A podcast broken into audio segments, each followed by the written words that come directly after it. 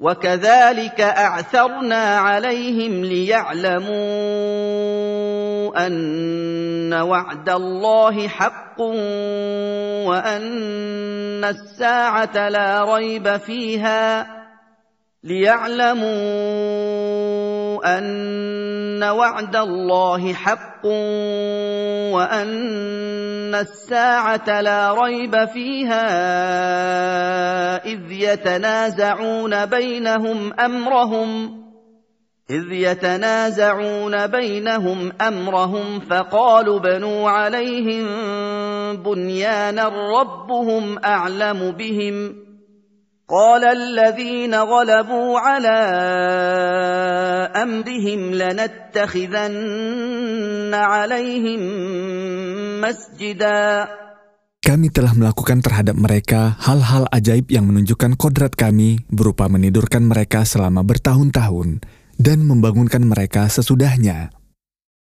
Kami menjadikan penduduk negeri mereka mengetahui keberadaan mereka, agar penduduk negeri itu mengetahui akan janji Allah bahwa yang menyatakan bahwa Allah akan menolong orang-orang mukmin dan membangkitkan orang-orang mati adalah benar adanya, dan bahwa hari kiamat pasti datang, tidak ada keraguan padanya. Manakala urusan Ashabul Kahfi terungkap dan mereka mati, orang-orang yang mengetahuinya berselisih. Apa yang harus dilakukan terhadap mereka? Sebagian dari mereka berkata, Dirikanlah bangunan di pintu gua mereka untuk menutup dan menjaga mereka. Tuhan mereka lebih mengetahui keadaan mereka. Keadaan mereka menunjukkan bahwa mereka memiliki keistimewaan di sisinya. Sedangkan orang-orang yang mempunyai kekuatan namun tidak memiliki ilmu dan tidak memahami dakwah yang benar berkata, kami akan menjadikan tempat mereka sebagai tempat ibadah untuk memuliakan mereka dan mengingatkan masyarakat tentang kedudukan mereka. سيقولون ثلاثة رابعهم كلبهم ويقولون خمسة سادسهم كلبهم رجما بالغيب ويقولون سبعة وثامنهم كلبهم قل ربي أعلم بعدتهم ما يعلمهم إلا قليل فلا تمار فيهم الا مراء ظاهرا ولا تستفت فيهم منهم احدا Sebagian orang yang membicarakan mereka tanpa ilmu berkata tentang jumlah mereka. Mereka bertiga dan yang keempat adalah anjing mereka. Sebagian lagi berkata, mereka berlima dan keenamnya adalah anjing mereka. Kedua kelompok ini berkata demikian hanya karena mengikuti praduga saja tanpa dasar ilmu. Sebagian lain berkata, mereka bertujuh dan kedelapannya adalah anjing mereka. Katakanlah wahai Rasul, Tuhanku lebih mengetahui jumlah mereka. Yang mengetahui jumlah mereka hanya sedikit saja, yaitu orang yang Allah beritahu tentang jumlah mereka.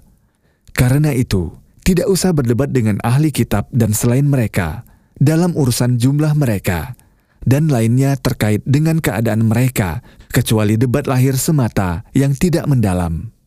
Hal itu dengan hanya membatasi diri pada siapa yang wahyu Allah turun kepadamu tentang urusan mereka. Tidak usah bertanya kepada seorang pun dari mereka tentang keadaan Ashabul Kahfi secara terperinci, karena mereka tidak mengetahui hal itu.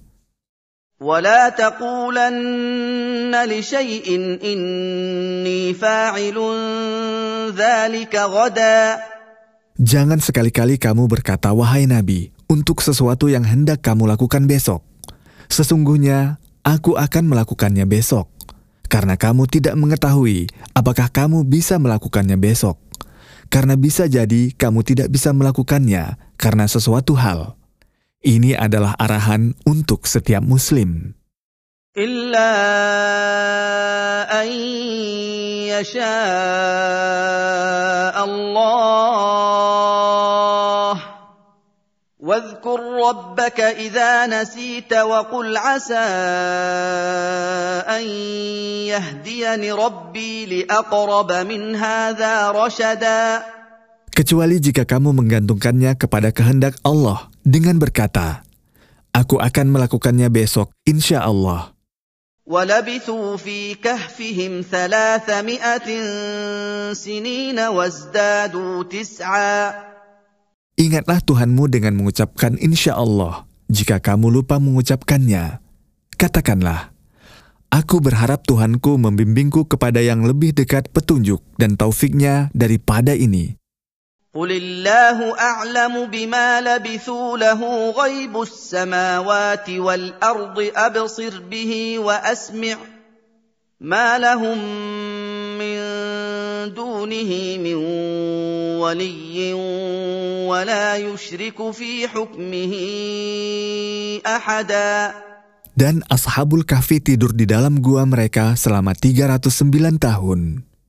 واتل ما اوحي اليك من كتاب ربك لا مبدل لكلماته ولن تجد من دونه ملتحدا Katakanlah, wahai Rasul, Allah lebih mengetahui berapa lama mereka tidur di dalam gua mereka.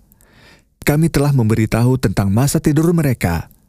Maka tidak ada pendapat bagi siapapun sesudah firman Allah Ta'ala.